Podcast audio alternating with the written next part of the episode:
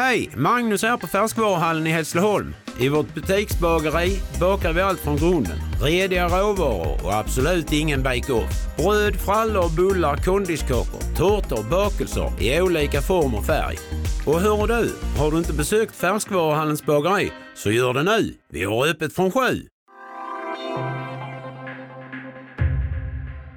Hej och välkomna till Kulturkommissionen. Det är en kulturs podcast av och med mig, Greta Thurfjell och mina kollegor Kristoffer Ahlström och Hanna Fahl. Hej! Hej! Idag ska vi äntligen få prata om Russian Doll. Som vi har sett fram emot att prata om Russian Doll. Mm, verkligen. Hanna, vad vill du? Eh, Jag vill ta upp det liksom existentiella valet i om man identifierar sig med huvudpersonen Nadia eller nästan huvudpersonen Alan och vad det säger om en som människa. Oj, oj, oj. oj. Kristoffer, du då? Eh, Jag tänkte prata lite om att fastna i den eviga loopen i att gå i terapi för att eh, rädda en relation och att problemet kanske finns hos en själv. Hmm.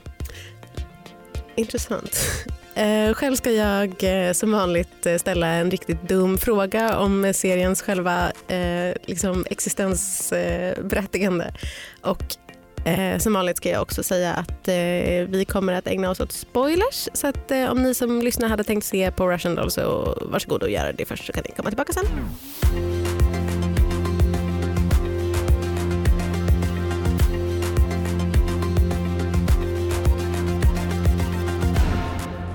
Det är 36-årsfest för den sighesa rödlockiga New York-bon Nadia, om och om igen.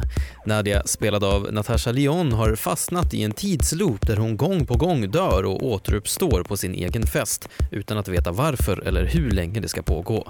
Snart möter hon Alan som lider av samma mystiska åkomma. Netflix-serien Russian Doll hade premiär i början av februari och är skapad av Leslie Headland, Natasha Lyon och Amy Poehler.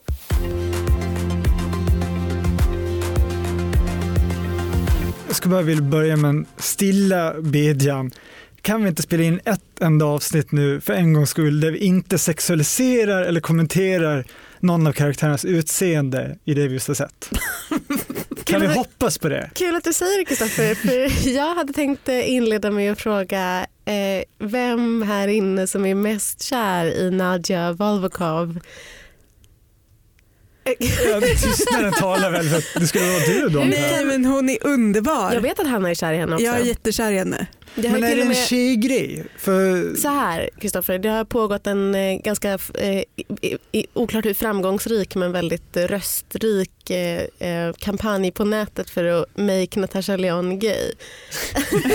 alltså att hela lesbiska Twitter Helt drömmer om att hon ska bli flata, att hon ska komma ut som flata. Så att, absolut, det är säkert en tjejgrej. Hon, hon eh, kanske har ett utseende som, eh, som lämpar sig för andra tjejer. Typ att alla, typ det var en sån trend också att eh, jättemånga tjejer började så här, tänka på att skaffa lockig lugg. det, även jag har tänkt, jag har eh, lugg som, men eh, platta i den vildsint. Men, men har också tänkt så här, fan jag kanske också skulle passa i den här luggen som bara är ett stort krull uppe i pannan. Men Jag varför gör är hon inte så det. underbar Jag då? vet För att jag hon, inte gör Men vadå, hon, Hon är ju också en cool girl tänker jag. Hon så här, eh, Nej. knarkar hej vilt, hon ligger Men okomplicerat. Nej. vi återkommer till det här att du har missförstått vad cool girl Ja. betyder. Vadå, Alltså, att hon inte har liksom manhaftiga drag som men det har tycker- inte med manhaftigheten att göra. Alltså det, det, är liksom, det, det är ju själva vara... grejen med en cool girl är ju att den inte har manhaftiga drag utan att den liksom leker med så här, de manliga markörerna utan att på något sätt någonsin själv bli manhaftig. Eller för den delen att den, inte gör, att den gör det uteslutande för att liksom vinna killpoäng. Ja. Och det Jag gör lär ju mig, jag verkligen lär inte. mig, Nej, ja. men hur kan du fortfarande lära dig? Alltså cool girl det är liksom gammalt. att- Det är liksom ute. Ja, men jag tänkte- 10-15% av vår arbetstid går ut på en lång, lång, lång utbildning för Kristoffer i vad en cool girl är. Jag vet inte hur länge det har pågått nu, nej, åratal. Alltså, han, han Men jag, tyckte, jag trodde det inte. räckte Jag med att svepa ner och Nej, rapa som om man är cool nej, girl. nej, absolut. God är kul. Sig för att möta min första girl. Det är ju inte bara hennes utseende ju. det är ju hennes Verkligen inte. underbara personlighet också och hennes raspiga röst och hennes, eh, jag vet inte, hon är bara en fantastisk. Nej men det är omöjligt att tänka sig eh, Nadia spelade någon annan än Natasha Leon. Ja. Alltså det har ingen annan hade kunnat göra det. Och jag ska säga att jag var inte jätteförtjust i Natasha Leon när hon var med i, i Orange is the new Nej, black. inte jag heller. Men nu galen, tokig. Karaktären då, förutom att vara, ha lockig lugg och eh, ha en eh, hes eh, röst, vad, liksom, vad är det man, det första som man liksom, eh, hur, hur lär man känna henne? Hur möter man henne som, som tittare? Är hon så, är hon liksom, för hon är ju egentligen inte så himla likable. Nej. Det är väl det som är skärmen, tänker jag. Det är hon ju inte och det är absolut det som är skärmen och det etableras ju på ett ganska smart sätt ganska snabbt. Just, hon vaknar ju då varje gång hon har dött så börjar hon om på sin egen 36-årsfest. Och eh, hon har ju då en serie väldigt, väldigt snabba interaktioner med en massa människor eh, på väg liksom, genom den här festen varje gång om och om igen. Det, som ser lite olika ut beroende på vilken inkarnation det är. Um, men i de interaktionerna så får man ju, liksom, hennes, hennes personlighet etableras ju väldigt, väldigt snabbt. Särskilt då i relation till hennes bästis som hon ibland har bara lite vänligt banter med och ibland börjar de bråka och ibland Ja, det ser lite olika. Hey Maxine. birthday baby! Precis, hey birthday baby säger hon varje gång. Eh, så att hon etableras väldigt effektivt tycker jag och väldigt snabbt eh, som en ehm, jag vet inte hur man förklarar det här utan att det låter klyschigt. För att jag tycker inte hon är- är en klyschig karaktär egentligen men som en liksom sk- skadad eh, person med liksom, psykologiskt komplicerat förflutet som kanske klamrar sig fast i sina eh, ungdomsår lite för länge. Extremt eh, street smart ju. Det är ju Ja, och självförbrännande med väldigt oproblematisk relation till droger och tillfälliga förbindelser. Ja. Det var väl någon som var i Facebookgruppen Snacka om film och tv-serier sa att det var en serie om New York-attityd och jämförde med Girls utan att nämna Girls. Ja. I alla fall till absolut. inledningsvis, att det liksom är den jo, men etableringen av det är karaktär. ju lite att hon är en så här tough cookie typ. Mm. Som, Och väldigt så här, om, man, om, om man tänker på så här, eh, såna liksom ikoniska New York-skildringar, alltså typ eh, Sex and the City Girls, så är ju den här väldigt, väldigt trendig även om hon är lite äldre än vad de eh, Ja, det liksom, var roligt. Att, kvinnorna ofta är. att alla de här liksom vilt festande personerna Mm. ändå var liksom 35 plus. Mm, men väldigt mycket sådana så här, eh, coolt just nu markörer, typ att de tar jättemycket ketamin, alltså in i Mm. inte för att, du vet, men, men, Nej, men sådana saker som är så här, ja det här, så här är det i New York just precis just Mm. nu. mm. Sen gillar jag också att hon är ju väldigt intelligent, för oftast när den här typen av serier som handlar liksom om ja, men, ganska krångliga fysiska förklaringar av liksom fyrdimensionellt tänkande och så vidare så brukar huvudpersonen vara tittarens alibi så att man liksom, till, som tittare till och med själv snart fattar mer än huvudpersonen men tycker det blir tjatigt så här, att hon, allt måste förklaras för henne. Men är det hon drivande och får liksom förklara sig, ja men det här händer för att det sker liksom i den här tidslinjen och hur kan vi få dem att konvergera och liksom Ja. väldigt avancerad nivå. Hon har ett lite eh, Alltså, hon har ett lite oväntat jobb. Hon har inte ett oväntat jobb för att det har ju en uppenbar liksom, poäng Mm. för handlingen att hon jobbar som eh, med att utveckla spel. Eh, och det här då att hon respawns hela tiden, det, har, det är ju en sån supertydlig parallell. Men man hade kunnat tänka sig att den här typen av rollfigur snarare hade haft ett så här, ja men, eh, jobbade lite på fik eller så här, hade någon så här, lite så slapp misslyckad karriär men hon har ju inte det. Hon har ju, Bartender typ. ja, men, exakt. Ja, eller som eh, den klassiska klyschan om spelutvecklare, någon lite så här väldigt introvert, halvautistisk person. Hon är ju snarare Ja. superextrovert och liksom aggressiv. Mm, underbara Nadja Valvakov. Men om vi eh, går vidare lite grann från henne till hennes mot, eh, främsta motspelare då, Alan. Som, är, som dyker upp i andra eller tredje avsnittet. Tredje eller fjärde tror jag. Aha, lite så sent. Mm, Mm. hon är själv länge. En, eh, den, den raka motsatsen får man säga till Nadja då, som görs väldigt tydligt också i serien. De träffas i en hiss när eh, hon förstår att de kommer dö. Ser en annan kille som inte heller verkar reagera på att hissen eh, faller neråt i hisschaktet. Och han säger att eh, det är lugnt, det här händer mig hela tiden. Mm. Ja, men det är som du säger, när du säger motspelare så är det verkligen, jag gillar det här att han är hennes raka motsats. Han är liksom väldigt stel, rakryggad, eh, man pratar hela tiden om hans hållning, alltså korrekt hållning, vilket känns som en väldigt symptomatisk grej när alla andra, vi går runt med gamnackar och kollar på mobiltelefonerna, så alltså han är väldigt så här sportig, han inleder sin rutin med liksom i hemmagymmet, han har button down skjortor. Han, precis, han är så helt klädd i Uniqlo. Verkligen. Ja, hade han varit svensk och varit J Lindeberg tror jag, rakt av. Ah. Bara. Stort bältespänne. Och han är liksom då besatt av att städa upp i sin lägenhet eh, i varje reinkarnation trots att han ju vid det här laget måste veta att det inte spelar någon som helst roll. Eh, så här, otroligt pedantisk och så. Men, och det är också så yin och yang filmat i att alla hennes scener, Nadia ser ju väldigt mörka och han har det så här ljus, Röker. Sterilt. Ja. ljust och rent och så här. Ja, det finns också någonting i seriens tema med symmetri, att det finns inga olikheter, bara liksom att de passar ihop i symmetri. Och jag tänker också på, jag tror det sista avsnittet så filmar de, som en, det är inte som en split screen, men det är liksom som om de står vägg i vägg Mm. i varsitt badrum och stirrar in i varsin spegel, Mm, mm. vilket var snyggt. Hur, för jag funderade mycket på när jag, när jag såg den här serien så tänkte jag mycket så här, hmm, alltså, man, man förstår att Alan behövs uppenbarligen för att han är en bärande del i, i tv-serien men, men, men varför? På något sätt.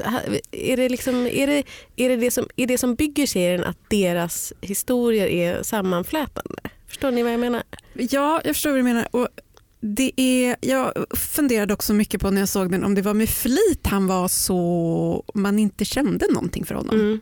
Man kände jättemycket för henne Mm. och förstod jättemycket av hennes liksom, personlighet medan Mm. han förblev hela vägen någon sorts liksom bara tomt skal nästan. Ja, det, det är ju också hans dilemma som han, som han då får brottas med, det vill säga att han inte är tillräckligt öppen emotionellt och väldigt instängd mot sin flickvän, vilket leder till att hon bedrar honom och att hans ja, karmauppgift blir liksom att, att bli en mer öppen och, och kännande människa. Jag tycker att det är ganska, han har ganska mycket enklare uppgift än vad Nadja har vad gäller att bryta den här loopen, vilken Mm. liksom karmisk uppgift han måste lösa. När, när han dyker upp i hissen så tänker man ju som tv-tittare genast så här, "Ah, nu kommer de ha sex. Och sen tänker man så här, nej det här, för det här är en helt annan sorts serie så de kommer inte ha sex. Och sen så, sen så har de ju det i en liksom, reinkarnation. Det är som att de har i början åtminstone så är det som att de har så många av dem att de lika gärna, de är så här, vi kan lika gärna göra det här i den här, alltså det kommer ändå en ny, det, kommer inte, det spelar ingen roll. Mm.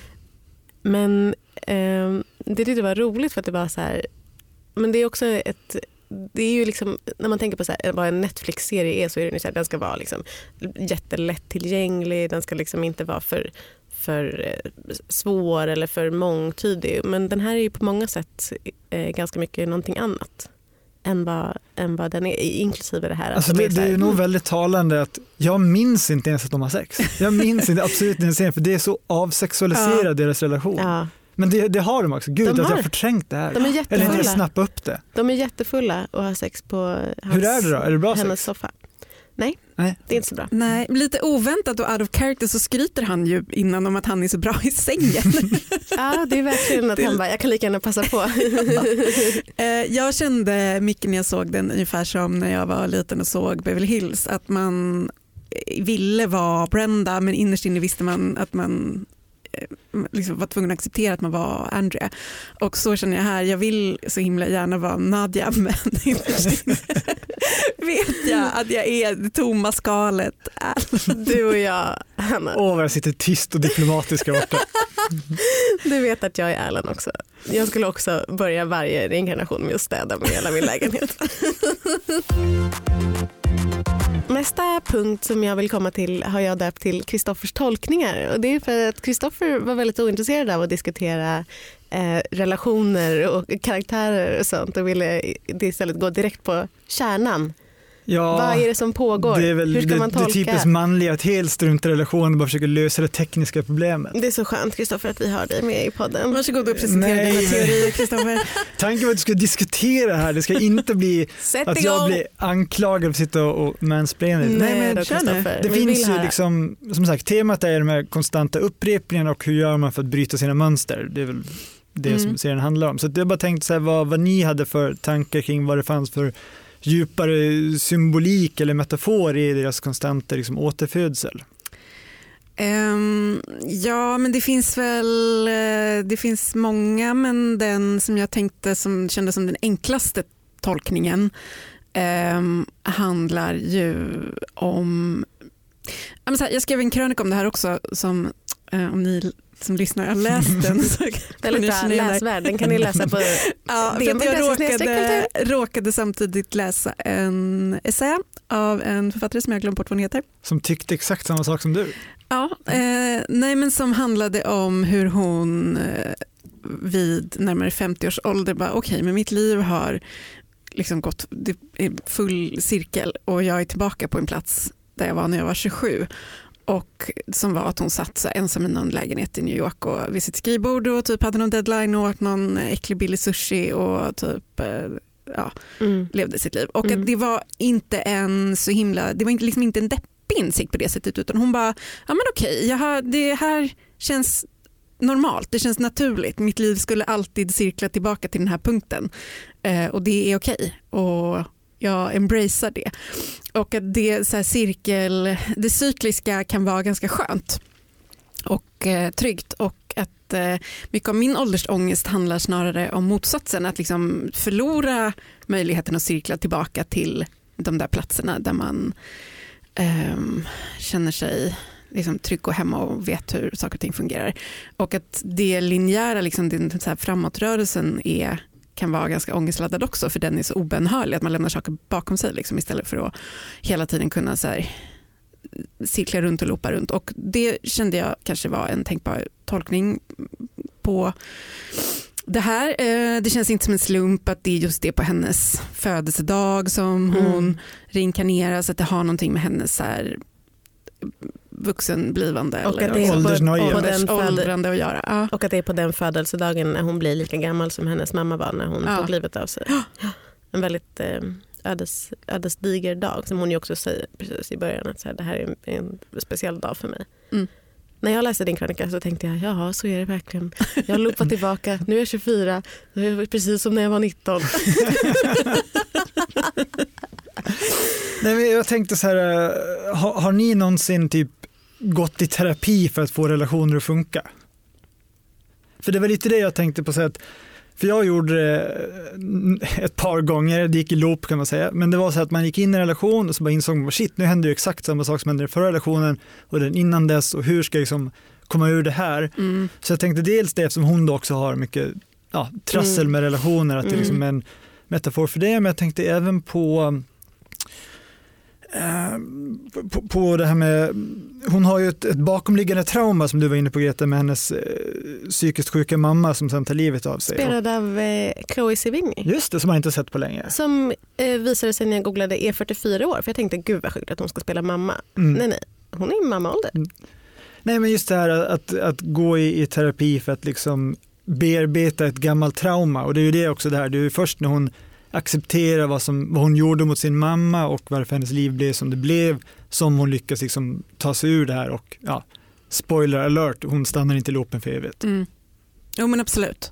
Sen har vissa gjort en poäng också att eh, man måste vara ja, missbrukare, tidigare missbrukare för att verkligen förstå det här. För att, eh, eh nu ska jag säga, vet, Natasha Leon har ju, ja, som känt ganska lång historik av missbruk och dog nästan eh, av det, av en överdos. Eh, så att för henne har det också varit det här liksom att ja, man, eh, varje dag man vaknar upp så börjar den här loopen om med att ta droger för att bli av med abstinensen och sen ja, fortsätter mm. det in mm, absurdum. Mm. Och man tror hela tiden att man ska lyckas liksom sluta på ett annat ställe än mm. igår men man kan inte det. Typ. Mm. Ja. Uh, ja. En annan eh, grej som jag tyckte var eh, mysig är just det här i början när hon men det är väl mest när hon är själv men sen lite grann också att, hon, att de liksom söker sig till olika, så här, eh, kan det vara det här? Kan mm. det vara det här? Kan det vara det här? Att de är så här, testar, då går hon och testar för att se om hon har fått i sig något, något särskilt, ja, eh, liksom ketamin. Precis, jointen spetsad. Mm, precis, och sen så går hon till en eh, lokal eh, rabbin och ska liksom eh, undersöka om det kan ha någonting med det att göra, att det är någonting liksom, eh, kabbala-artat som är i görningen. De liksom eh, då, då, föreställer man sig ju att man kommer att få, liksom så här, till slut kommer de att hitta det. Så här, aha, mm. det var det här. Man kanske inte tänker att det kommer vara ketaminet eller att det kommer vara eh, mysticismen som gör det. Den, den liksom lite så här, eh, nu ska vi ta reda på svaret-grejen. Eh, Tycker ni att den är mysig? Eller är det tyckte liksom... jag var jättebra. Att ah. det var liksom de här stickspåren eller red herrings som man kallar liksom, man tror att det här har betydelse så följer man det och så bara nej, då kollar vi om det här, liksom detektivarbetet. Mm. Så är det ju med väldigt mycket. Så är det ju till exempel också med den här karaktären eh, Horse. Mm. En uteliggare som hon ser gång på gång i sina loopar och ser så här, vad fan jag känner igen honom och sen så liksom går hon fram och Ja, pratar. precis. Och, Kan, kan det liksom vara nyckeln till mysteriet? Mm, Men, men jag kommer mm. att tänka på någonting som Hanna Hanna sa eh, på redaktionen här veckan att jag saknar inte Stellar. Och jag tänkte, vad fan saknar du den för den ytliga dumma skitfilmen? I den underbara filmen. Ja, men så kommer jag också tänka på vad, vad den innebar, så här, alla gissningar och teorier man spann kring det Ja. här. Och här var det liksom som åtta Interstellar, att mellan varje avsnitt så bara, hmm, okej, vad kan mysteriet vara? Liksom, vad, mm. vad, är det det här spåret, är det det här? Jag tycker att det funkar. Det hade kunnat kännas väldigt otillfredsställande för att man faktiskt inte får något riktigt svar. Men jag tycker att det funkar för att hon, eh, Nadja, ju får efter ett tag den här plötsliga insikten som är när hennes eh, fostermamma i en av eh, reinkarnationerna eh, Underbara psykoterapeuten Ja, Ruth. råkar, råkar skjuta henne, döda henne. Och då, då får hon någon sorts insikt som är att okej, men alla de här liksom versionerna av livet som jag lämnar när jag dör, tänk om de bara fortsätter. Tänk om så Mm. alla konsekvenserna blir kvar. Tänk om det är liksom någon sorts parallella verkligheter som hon hoppar emellan snarare än att det är liksom, hoppar tillbaka i tiden och får en ny chans. Och- Ja, att hon ser sitt agerande som det här är inga konsekvenser Nej, precis. alls. Men, Och för det gör ju också att alla de här, så här tidslinjerna som de har vaskat eller vad man ska Mm. säga tidigare på där de bara brytt sig om att ta reda på en enda sak. Eller så här, Mm. Okej, det enda som är viktigt nu är det här. Eller okej, vi kan lika gärna ligga, vi kan lika gärna knulla här Ja. för det har inga konsekvenser. Nej. Att det att hon får någon, drabbas liksom av någon sorts insikt att men gud, tänk om det har konsekvenser. Vad ja, och det ger ju också en händer? emotionell tyngd som serien inte skulle ha annars. För då är det, så här, ja, det spelar ingen roll för att även om hon dör så återuppstår hon bara. Hon kan liksom testa att ta så mycket heroin det bara går och dö av överdosen Mm. utan det får något problem. Exakt och det är det som är obehagligt också att det, man, man märker ju också med, med tiden, det smyger sig ju på i serien lite grann men det här med att det visst att hon har inte ett obegränsat antal gånger på sig utan det blir, det blir liksom, världarna blir märkligare och märkligare. Det blir färre människor, det är liksom tommare och tommare på festen. Och det här med liksom att, att all frukt, de är ju så här mycket i närheten av frukt för att visa att frukten börjar eh, ruttna. Det skulle kunna vara inspelat på mitt skrivbord. Det har 15 frukt- luktande Där verkligen långsamt degenererar. Kristoffer länsar fruktskålen dag ut och dag in, en egen sorts tidsloop.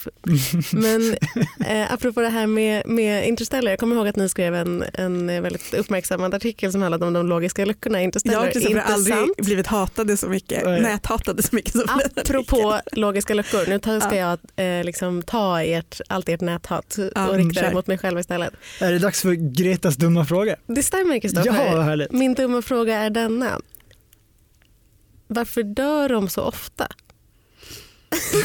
Va, hur menar du? Ja, du min, menar att det är min så logiska lucka, en för- normal människa går inte runt och dör flera gånger om dagen. De ramlar ner i slukhål, de blir påkörda av bilar. De ramlar ner för trappor, kan inte ens Jag kan gå, inte i gå i trappor utan att dö. trappor. Hanna, vad är det som pågår? Varför dör de för Eh. ofta? Jag dör inte så ofta. Nej, det, jag har två saker att säga om detta. Mm. Dels så dör Är de det ju... tv-serien? Dels är det en tv-serie. Dels så dör de ju dubbelt så ofta som de egentligen borde. Alltså många av de här liksom, mest så här, freak accidents är ju för att den andra av Ja, dem dör. absolut. Mm. Och de, de är ju sammankopplade på det sättet. Men man dör en inte ens dör- hälften så ofta, Hanna. Nej jag vet, men det är en del av det. Att så här, de här, okej, ah, det blev en random gasexplosion. Ja, eller så Jag här, fick en astmaattack. Ja, det är ju för att den andra har råkat liksom, försätta sig i någon situation. Mm. Det är Alan.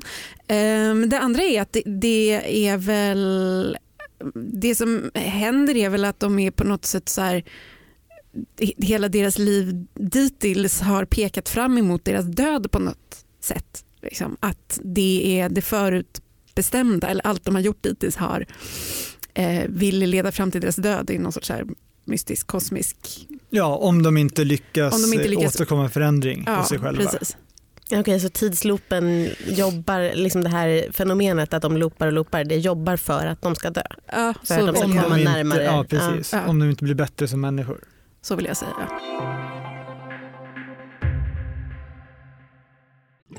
Aj, aj, aj, det kluckar i rören.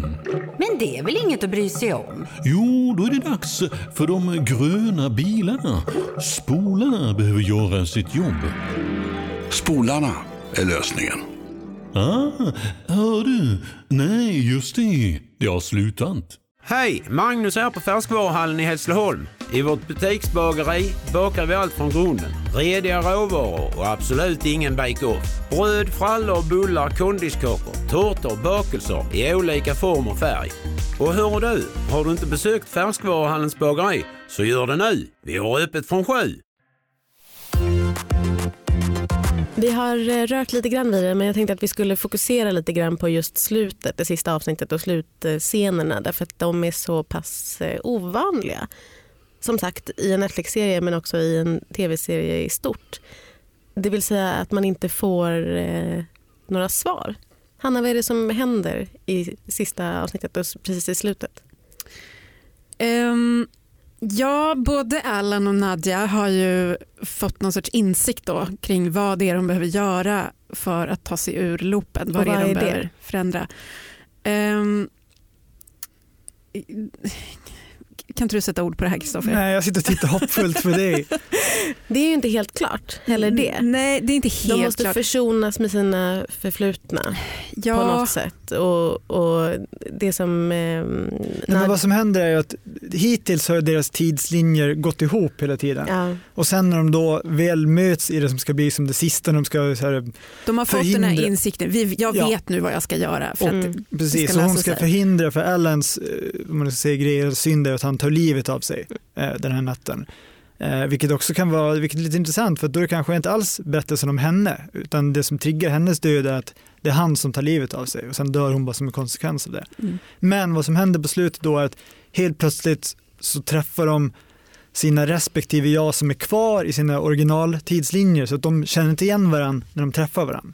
Nadja nu träffar Alan och Alan träffar Nadja. Precis. Precis. nu är det plötsligt två parallella tidslinjer igen samtidigt som de i sina parallella tidslinjer kommer ihåg det förflutna, Ja. sina tidigare dödar. Och, För lösningen på det hela som de har listat ut, som de har fått den här insikten, den bygger så mycket på att de ska hjälpa varandra. Mm. De ska, okej, men om vi gör det här ihop så kommer vi klara Mm. det. Men då, så här, och nej, ironin, nu splittas de upp i varsin tidslinje och träffar en helt ovetande Alan. precis, och måste vinna den personens förtroende. Ja. Det är inte lite trippigt. Alltså jag, frågar er mycket om det här därför att jag förstår inte riktigt vad som försiggår. Men, men det som händer då i alla fall i, i någon sorts slutscen är ju att de till slut lyckas mot alla odds hjälpa varandra och Mm. liksom förhindra någonting som, som eh, ska ske. Nadja blir inte påkörd av en bil. Alan Alan tar, Alan tar inte livet av sig. Och sen så går de då till parken där du nämnde tidigare den här uteliggaren Horse som Ja. Nadja lärt känna och sen klär alla ut sig och börjar gå något långt karnevaltåg på gatan vilket jag först tyckte var så här, jättehäftig visuell grej men fattar ingenting. Men sen eh, påpekar min fästmö att det påminner väldigt mycket om den här eh, mexikanska ceremonin, eh, Dios de Marta, alltså de dödas dag. Mm. Eh, och den går ju ut på att liksom minnas de tidigare döda och att hylla det egna livet. Liksom. Att det klassiska, eh, tänk på, eller minns döden. Och det är också det som serien går ut på, att de ska komma ihåg alla gånger de dött för att kunna rätta vad de har gjort fel. Mm. Så det tänkte jag liksom var en symbolik i det. Något Ja. annat som det påminner mycket om är ju också den här marschen i, i den här parken som var, du vet Tom vad den Queen heter? Square Park. Tack. Eh, där det, har varit, och det här har det ju pratats mycket om i ett eh, New York-sammanhang. Människor som känner till New York då, har, har sagt att det var, att det, för den handlar ju, serien handlar ju också så pass mycket om så här gentrifiering eller liksom om så här, vad är så här det gamla New York och vad är det nya, eh, liksom, nya kvarteret. Så här, hur hur liksom förhåller man sig till det Mm. med, med mamman och allt det där. Så, att, så att det handlar mycket om så här, den marschen mot eh, gentrifieringen av den, den eh, stadsdelen. Vilket också är lite ironiskt för att det är ju marschen mot, alltså att vara emot förändring mm. som gentrifiering Mm. innebär. Mm. Men jag tänkte också på slutscenen i Fellinis 8,5 om ni har sett den. När Nej. han liksom, Nej. ja, det är en person som eh, ja, mot slutet av livet börjar liksom, ja, medelålderskris, börjar Mm. reflektera vad han har gjort och vad han borde ha gjort och så vidare. Och sen är det någon surrealistisk drömscen där plötsligt alla personernas förflutna kommer gående i parad och han inser liksom vad de har betytt för honom och att, vad han inte, vad att han inte klarar sig utan dem. Och Mm. det kändes lite som det här också, någon slags här, komma to terms, Ja. förlika sig med att man behöver andra människor i livet. Ja, alltså det som händer är ju att i- deras tidslinjer smälter ihop där i slutet. Det är liksom Mm. en split screen som sen blir liksom mergas ihop till en, Det en. Mm. eget, att det, Gud, det de är är, så i samma tidslinje igen. Men i den scenen precis där så går de går ju liksom med den här marschen som jag också tolkade som någon sorts dödsparad. Liksom. Mm, mm. De går med den och så möter ju Nadja, man ser liksom som går åt andra hållet, alltså mot marschen, två Nadjas till. Eh, vad, vad, vad betyder det? Nej man fattar ingenting. Men det sjuka är ju att fast man inte gör det så är det så otroligt eh, förlösande. Ja, Och det, det tyckte jag var så eh, speciellt. Att, det, att den, den, är, den är ju liksom, man, man, fatt, man fattar ingenting, man har inte fått något svar på varför det, liksom det här började från första början. Vad det är som har hänt under alla, vad som har hänt med alla de gamla. Liksom. Det, finns, det finns inga svar och ändå så är man så här, åh gud allt, allt löste sig till det bästa. Vilket ju ändå är någon sorts, det är lite som i, jag tänkte mycket på, på min favoritserie The Leftovers som också eh, grova spoiler alerts slutar med att man inte får veta varför 4% av jordens befolkning har försvunnit och var de tog vägen. Men ändå så är man så liksom nöjd. Man Mm. har liksom fått svar på, på det viktiga. Och det har man ju i den här serien också på sätt och vis. Eller man, man, man behöver inte veta så mycket om Nej, det, liksom, det tycker- Man har metafysiska. fått de bara- känslomässiga svaren men inte ja, de... och jag tycker ofta att saker och ting blir sämre när man får allting förklarat. Det, mystiken Precis, dör när man liksom. väl börjar, och när man väl börjar förklara så kommer det alltid sitta någon liten stickler och säga så här, men det här och det här då? Men det hade inte som jag och Kristoffer listan. 22 logiska luckor i Russian Doll. Ja, precis. Så det, var ju väldigt, för det var ju skönt att ni slapp skriva den på Mm. något sätt. Ja. Var det inte? Ja, det var tyvärr. Men det- här med att eh, det förmodligen kommer att bli en fortsättning då. Jag känner mig högst eh, skeptisk och besviken.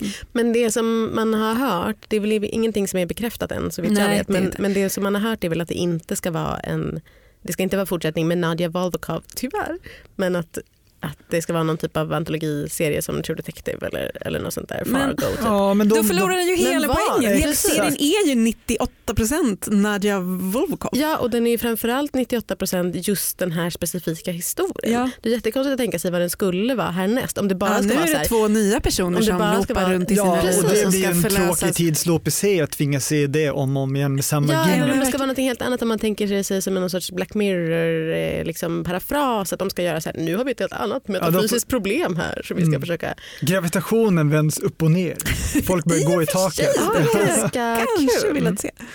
Eh, nej men verkligen, verkligen. Det är svårt men jag att tänka sig vad det skulle vara. Perfekt sluten Ja. i, i, i sin kapsel som den är. Så jag vill verkligen inte att det förstörs med någon fortsättning. Även om det har förmodligen varit en dundersuccé för Netflix. Det var ju någon statistik Det är nu det, man på... känner ju på sig att det inte kommer att vara nog för dem. De kommer Nej. inte kunna hålla tassarna borta från det här. Det är som vanligt. Till varje avsnitt så ber jag ju er att ta med er den bästa mening som ni har läst eller hört i veckan. Kanske någonting från en roman, kanske någonting från Twitter eller någonting som ni har hört i en annan Netflix-serie än den som vi har pratat om precis. Kristoffer, vad har du med dig för mening? Jag har med mig en eh, nyhetspuff från affärsmagasinet Bloomberg Business Week Oj, eh, oj. på Twitter där de Jo, jo. lockar till läsning med den här rubriken. Jag ska ta den på engelska först och sen blir det en liten översättning. Yacht owners with priceless art need to beware of flying champagne corks. Alltså ägare av lyxjakter med ovärderlig konst eh, måste akta sig för flygande champagnekorkar. Och det är då en, en artikel om ja, det, Mitt liv. Millennial problems Ja. som det brukar kallas. Ja, visst. Eh, nej, men det handlar om att eh, folk som ombord på sina superdyra båtar huserar jättedyr konst har nu tvingats anlita två eh, konsthistoriska vad heter, restaurerare. För att man har sådana problem med att barn kastar cornflakes på Basquiat-målningen och någon besättningsmedlem ska öppna champagne och då poppar korken iväg och träffar tavlan och då måste man kalla in de här specialisterna. Så det är liksom ett problem som vi själva kanske inte måste brottas med men det är ett existerande faktiskt problem för många i överklassen. Tala för dig Har själv, jag- Kristoffer. Mm. Har jag berättat för er om min komplicerade relation till champagnekorkar? Nej, men jag vill gärna veta. Berätta. Jag har sett dig öppna, kanske inte champagne, men Eh, olika flaskor med bubbel. Ja, absolut. Men det är för att eh, jag under hela min barndom har fått, jag liksom under hela min uppväxt fått lära mig att champagnekorkar är livsfarliga. Att Är det här trauma en- du behöver bearbeta när du fastnar i en loop? Ja, på loop. flaska, champ- att öppna en flaska champagne är liksom förknippat med livsfara. Livsfara. Så fort man gör det så måste alla barn måste ställa sig i ett annat rum och eh, vuxna måste vända bort huvudena och så här. Och det här Vad är det för hemsk händelse som har triggat det här? det är att min mammas faste var blind på ena ögat Nej, efter att ha fått en champagnekork i du det. skojar. Nej, alltså, det det, fanns ett faktiskt Ja, fast Märta var blind på ena ögat på grund av en Märta. Jösse namn. Mina tankar. Ja, kan, hon, kan, hon se, historia. kan hon se nu? Märta? Eh, hon, är, hon är död sedan ganska många år men, Men det, hade tillbaka- ingen, det var inte relaterat till champagnekorken. Champagne. Nej, hon, var, hon fick aldrig tillbaka sin herregud. Så det kan ni lära er av. Det är inte Ja. bara miljardärer på yachts Milda som måste makter. se upp. Gisternas. Ja. Hanna, eh, läs genast din mening. Jag måste släppa den här tanken på champagnekorkar som flyger. Eh, som ni kanske har noterat så har jag helt eh, slutat eh, själv ha någon form av omvärldsbevakning och får istället hela min omvärldsbevakning från eh, den underbara podcasten Who Weekly. Nej, Hanna, jag tror inte du förstår. Eh, jag har haft vit månad i e- evigheters evighet och Ja. därför eh, haft det så fruktansvärt tråkigt. Min, Har du arkivlyssnat på Who Weekly? mina, min enda källa till glädje är att lyssna på Who Weekly. Alltså Ja. Jag ser så mycket fram emot tisdagar och så mycket fram emot fredagar av två enkla skäl. Dagens Jag avsnitt av varsågod Weekly. Greta för att jag introducerade dig till den här Du fantastiska ska ha podden. tack. Eh, och eh, bland annat så har jag till exempel eh, inte sett The Star is Born utan vet allt jag vet om den filmen genom podden eh, för att de pratat Ett väldigt mycket om den. Eh, och jag har heller inte sett Oscarsgalan utan har fått hela min bild av Oscarsgalan genom det senaste avsnittet av Weekly. Och precis som ni vet hur medie, svenska mediemellanchefer blir väldigt stolta och glada och nästan tar det personligt om eh, Sverige nämns i New York Times Mm. så har nu Sverige, eller en svensk person, för första gången nämnts i Weekly och jag känner att jag nästan börjar gråta av stolthet. Eh, Så min mening är, eh, de pratade om Oscarsgalan och då sa de så här. Oh, you know the fun who, the composer, he was fun. He looked like the guy from dating around. Ludwig Göransson. och då menade de Ludvig Göransson, den underbara vackra Ludvig Göransson. vad är dating around? Nej, det är en är dejtingsåpa på. Netflix. Ah, Okej. Otroligt. Eh, ja, så de Och då är har, det någon hårfager typ med rådjursögon där ja, typ. som ser ut som Ludvig Göransson. För Ludvig Göransson vann ju då en Oscar Mm. för musiken till Black Panther. Ja, Mm. eh, det var det. Det fick mig att bli varm inombords och Äntligen kan vi lägga den här champagnehistorien bakom oss. jag. kan gå vidare i mitt liv och behöver inte loopa den mer. Ja, då kommer jag med eh, ett, ny, ett nytt äh, ångestmoment. Jag har eh, för ovanlighetens skull äh, gett mig ut i världspolitiken, eller i alla fall den svenska politiken eh, och eh, läst en väldigt bra text på vår egen eh, sajt. Och i vår egen tidning skriven av Kristina Lindqvist, vår kollega, som har skrivit om eh, IS-återvändarna och eh, deras eh, medborgarskap och hur man ska eh, se på det här. Det har ju varit en debatt som har eh, ja, pågått kan man säga på lite olika nivåer. Kristina Lindqvist skriver så här. Hur ska vi tolka de aktuella förslagen annat än att man vill införa ett andra klassens medborgarskap för andra klassens medborgare? Jag vill inte säga något eh, ytterligare med det här. Jag vill bara att folk ska gå in på dn.se eller öppna en tidning och läsa Kristinas eh, otroliga text. Det finns mycket fler bra meningar i den och Ja, eh, mycket att bra åsikter i frågan. läsa Kristina Lindqvist är ofta som att läsa en ren flod av klart vatten i en Kan man läsa Grumlig. floder av klart vatten? Nej, kan man inte. Förlåt, förlåt, det är som att eh, dricka ett glas kristallklart vatten. Ja, skitsamma. Det är Ni bra. förstår vad jag menar, det är bra. Tack till Kristina. Shoutout till eh, Kristina Lindqvist. Med det tackar veckans kulturkommission för sig. Vi är ett samarbete mellan Bauer Media och Dagens Nyheter och vi heter Greta Thurfjell. Hanna Fahl, Och Kristoffer Ahlström. Tekniker var Oliver Bergman. Tack och hej! hej då. Hej!